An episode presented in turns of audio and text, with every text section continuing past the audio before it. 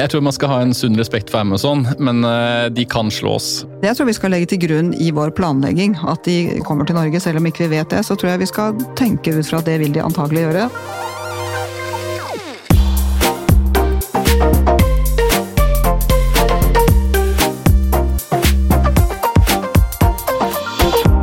Skal vi lykkes i morgen, må vi ta gode beslutninger i dag.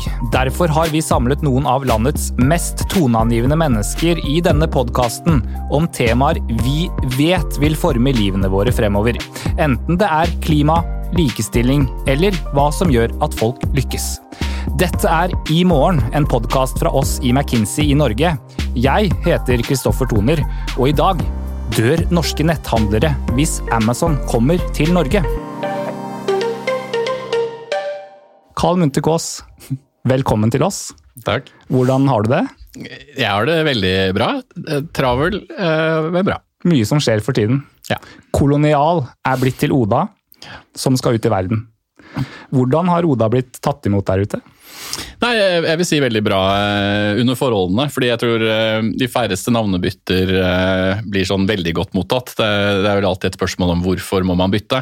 Man kunne selvfølgelig, altså, Kolonial funker ikke i utlandet av, av ganske åpenbare grunner, tenker jeg. Men man kunne jo spurt seg om man skulle beholdt det i Norge og så tatt et annet navn i utlandet. Men, men vi gjorde et valg der på at vi ønsket ett globalt brand, og da måtte man bytte det. Og så har vi byttet det til Oda. Og Og det angrer du ikke på? jeg angrer ikke på det. Eh, Heller ikke én million dollar for oda.com.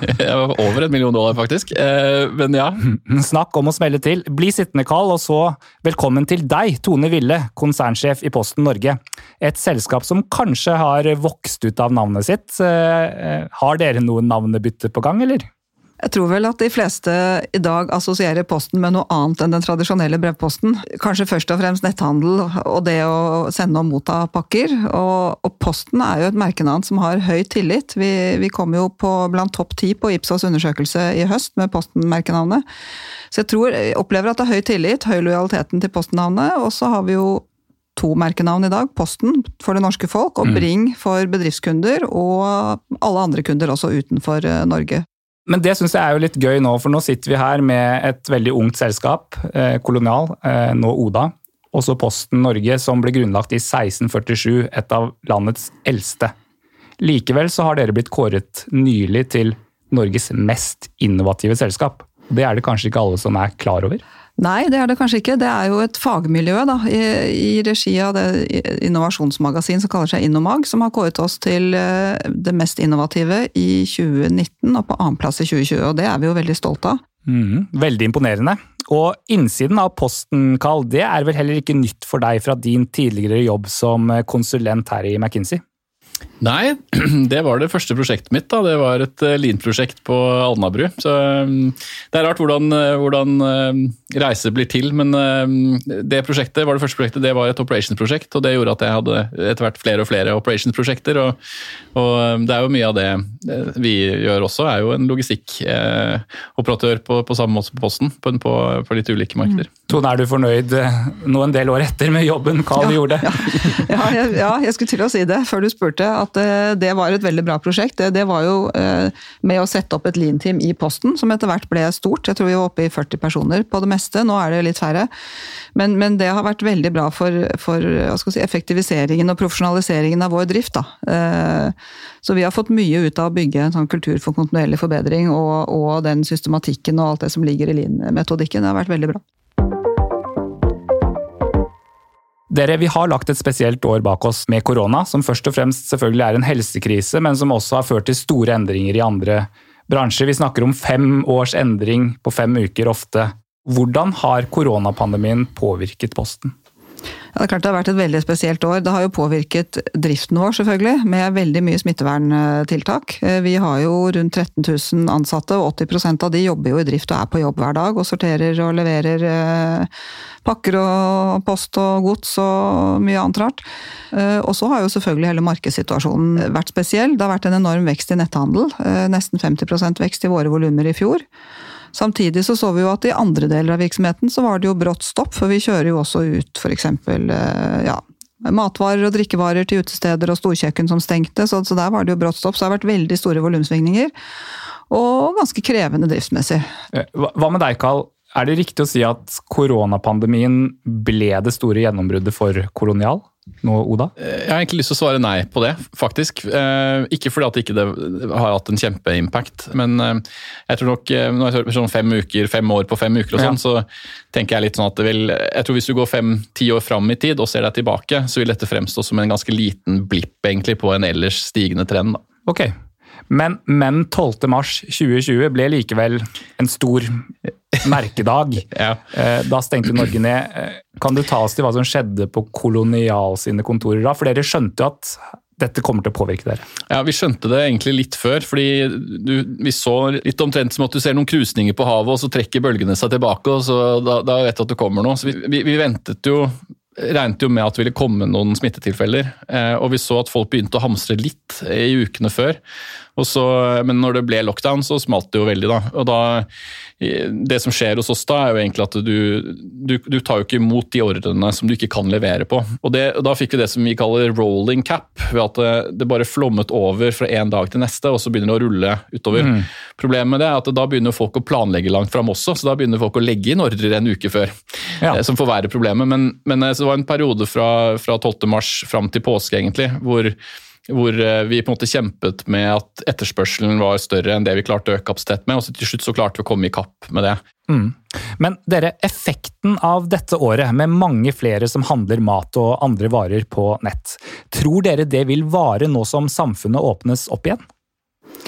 Altså, jeg tror at vi har sett en del nye handlevaner. At det er en del nye uh, grupper i befolkningen som handler på nett, og at det også handles andre kategorier varer enn før, i større grad enn før. Uh, og så tror vi vel kanskje ikke at de, den veksttakten vi har sett i fjor og i første kvartal nødvendigvis vedvarer, men, men, at det fortsatt vil være vekst og at vi er på et mye høyere nivå, det tror vi altså. Uh, det er jo vanskelig å uh, vite, men noen indikatorer vi har. Det ene er jo at vi ser at de som har kommet inn under korona, oppfører seg akkurat likt som de som kom inn før. Så det er akkurat, liksom, det er akkurat like mange som fortsetter å handle og alt dette her, så, som, som, tyder på at det var mer bare en nudge for å få dem i gang. Mm. Også når mm. samfunnet åpner igjen, så var, det, så var, det, ikke som at de som kom inn i korona da plutselig sluttet å handle, fordi de egentlig liker å gjøre noe annet. De, de, de fortsatte. Så nei, vi, vi, vi, tror ikke at det blir noe måte, tilbakeslag. Eh, vi tror heller at eh, vi kommer til å fortsette. Men så er det jo én nettbutikk som ikke ennå har etablert seg i Norge og det er Amazon. Nå har de kommet til Sverige. Det er bare rett over grensa. Er det sånn, Tone, at du ligger våken om natten og, og frykter hva som vil skje hvis de kommer hit til Norge? Nei, jeg ligger ikke våken om natten pga. det. um, jeg tror, men det, det, er klart det er jo en av de mange tingene som kommer til å påvirke oss, og som påvirker netthandelsmarkedet, og som, og som, skaper nye forventninger hos våre kunder, og som gjør at vi må henge med i timen og, og videreutvikle våre tjenester. Nettopp. Eh, og Carl, har du mareritt om han eh, Jeff Bezos? Nei, eh, det har jeg ikke hatt. Um, men Det ville kanskje vært spesielt uansett. ja, ja. Altså, han, har, han, har, kommet veldig i god form. Han pleide å være, liksom, se litt sånn eh, puslete ut, og nå, mm. nå er, han, er, han, alltid avbildet i windbreaker og, mm. og, og sånn. Altså, han, er, ja, han er sikkert skummel uh, fyr. Men uh, nei, jeg tror man skal ha en sunn respekt for Amazon, men uh, de kan slås. Og i dagligvare så er ikke det det området som de går inn i først. Så eh, vår norske virksomhet er nok ganske trygg mot Amazon, eh, men vi konkurrerer mot dem i Tyskland. Mm. Men, men, på Oda-appen er jo både Sprell og Claes Olsson til stede, i tillegg til matvarene.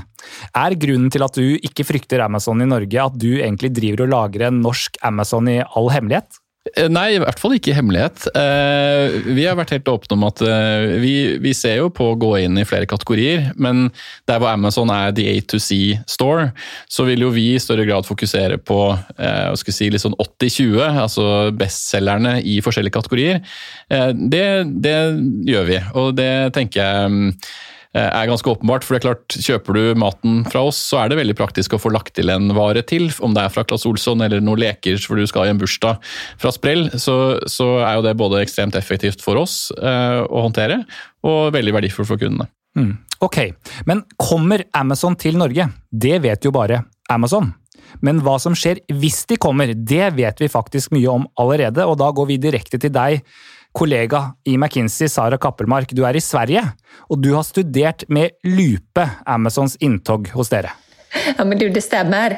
Vi ligger lite före i den aspekten. Nå er vi seks måneder inn siden Amazon kom til Sverige. Mm. Men du, gjør Amazon det bra der borte, eller? Ärligt talat så får jag säga att förväntan var kanske hög, men så här långt är vi inte imponerade. Ehm, och jag tror att det kanske kommer lite från kontexten av att jag tror många eh, kanske tittade på vad Amazon kan leverera i sin hemmamarknad, där de verkligen har lyckats med den här trippelerbjudandet av att de började med att erbjuda fantastiska priser och sedan så levererade de också ett fantastiskt eh, sortiment som ingen annan har kunnat matcha och så har de lyckats med convenience som ingen annan har kunnat matcha när det gäller både leveranstider och personalisering. Eh, men i Sverige så här långt så är det varken så att de har bäst pris eller bäst sortiment eller bäst leveranstider. Mm, og det, det er jo litt overraskende, kanskje?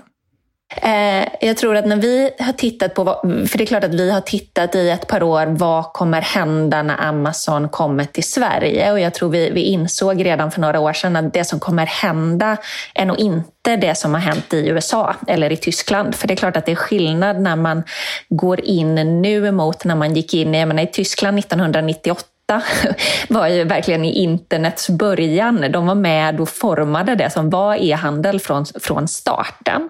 Mm. Men hvorfor gjør Amazon det så dårlig i Sverige hittil? Ja, nej men det, det beror på lite, det finns olika teorier om varför det här är. Men en teori är att det kanske är så att man ska se på det här lite som en testballong. Att de de är ett agilt bolag och deras styrka ligger i data. Så, att, så att man kan ju se det här som att det de har gjort nu är lite av en testballong eller en minimum viable product där de har gjort det enkelt för sig, tagit mycket av den tyska sidan, översatt ganska rakt av eh, och lanserat någonting mest i syfte att samla data om oss svenskar och förstå oss bättre.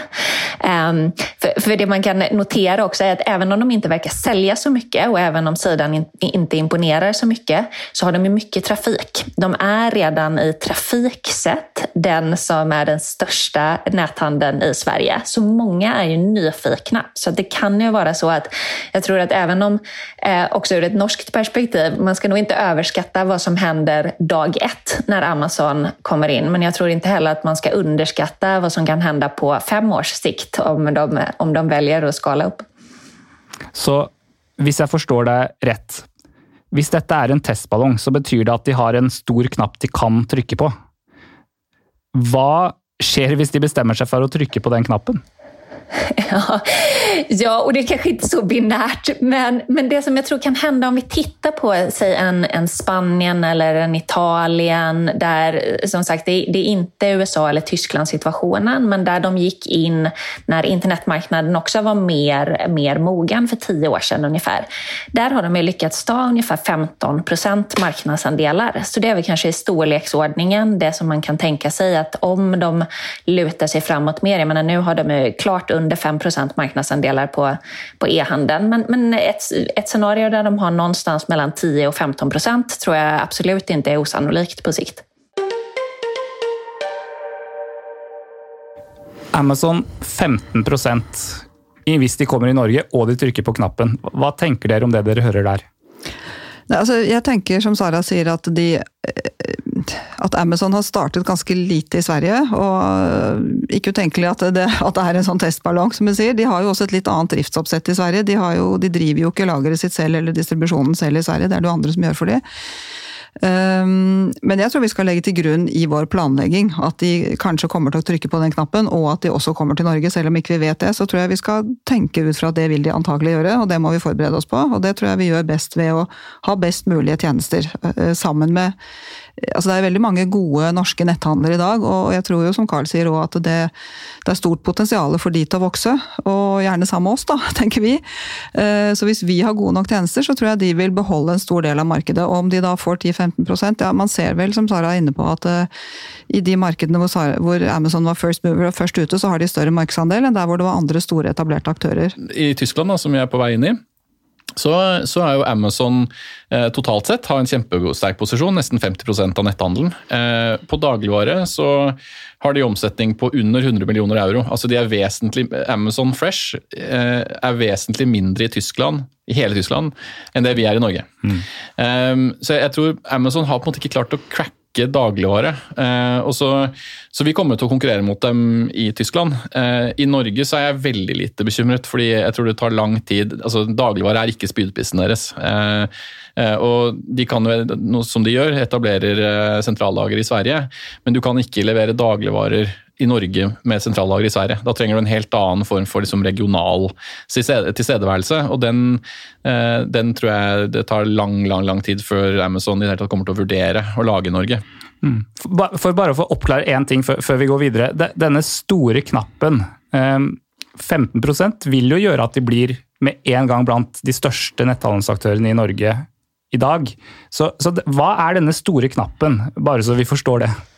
Ja, det, jag tror att mycket av den ligger i det som kallas för Amazon Prime. Och Amazon Prime för oss i Norden är ju en eh, videolevereringstjänst, men, men Amazon Prime, så som det ser ut i, i andre andra länder, är ju helt enkelt ett medlemskap som gör att du får väldigt mycket bättre både priser och leveranstider.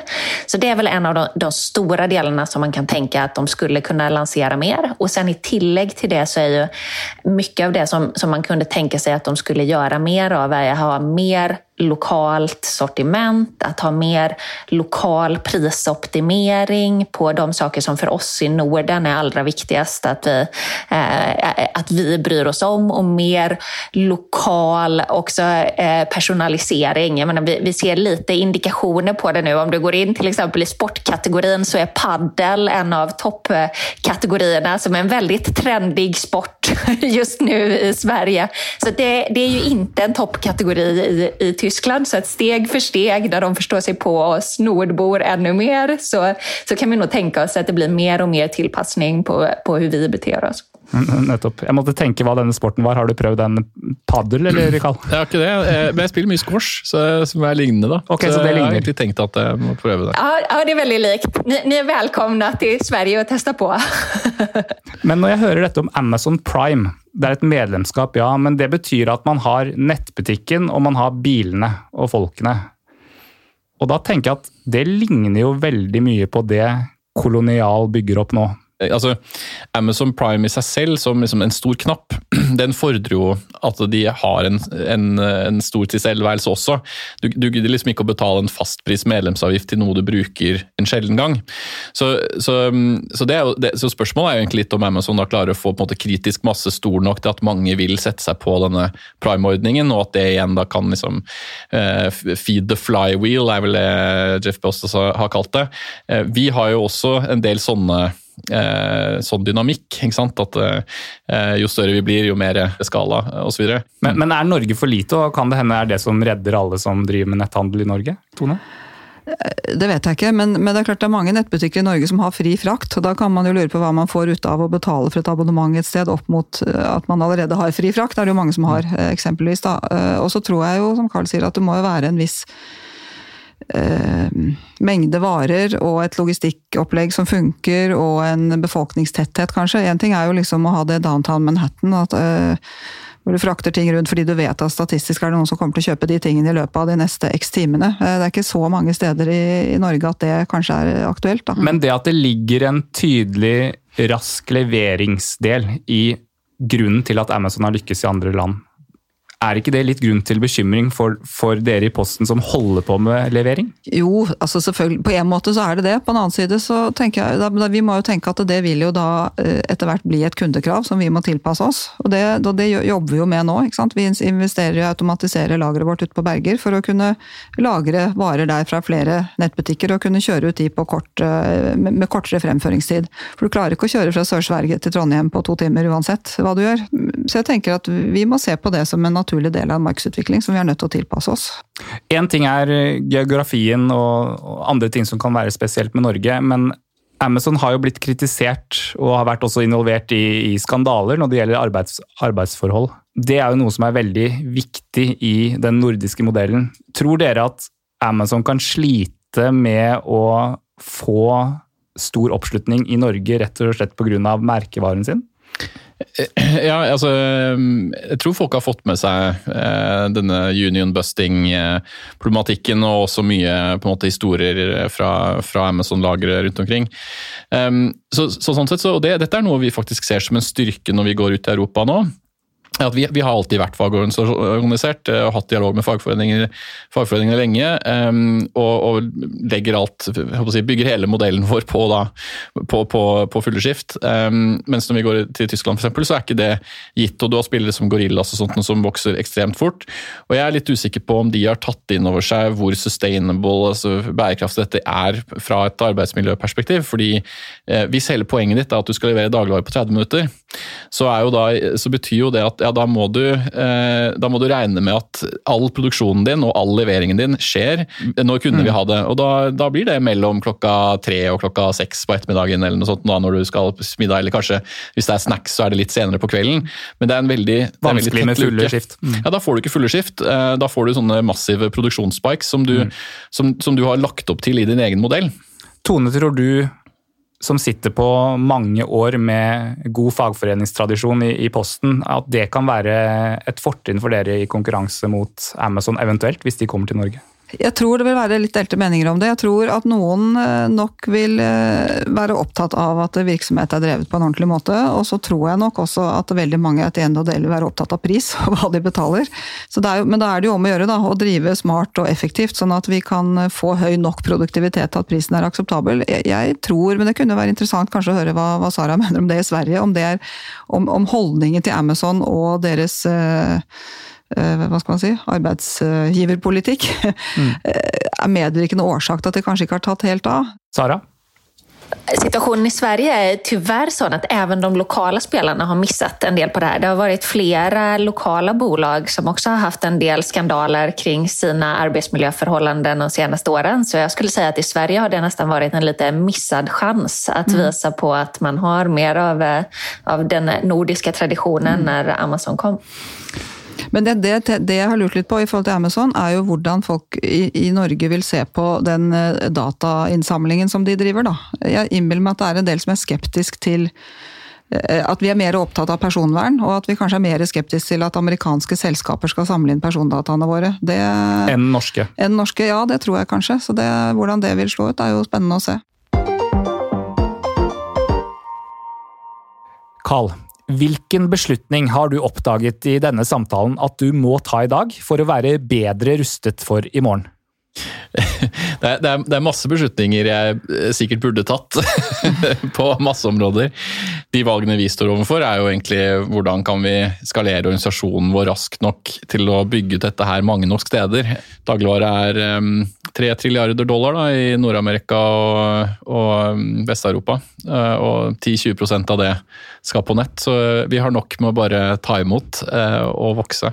Hva med deg, Tone? Eh, ser du en beslutning nå som du må ta raskt, basert på det som kan skje med Amazon, for å være rustet for i morgen? Vi kjenner jo veldig på at konkurransebildet har endret seg veldig de siste årene, og at ting endrer seg veldig fort rundt oss. Og vi har veldig mange gode ideer til hva vi har lyst til å få til, så jeg tror det vi må jobbe videre med, er å klare å bli enda mer lettbent og, få gjort ting raskere. Eh, og det handler mye om arbeidsformer og hvordan vi jobber og hvordan vi tar beslutninger og hvordan vi følger opp ting.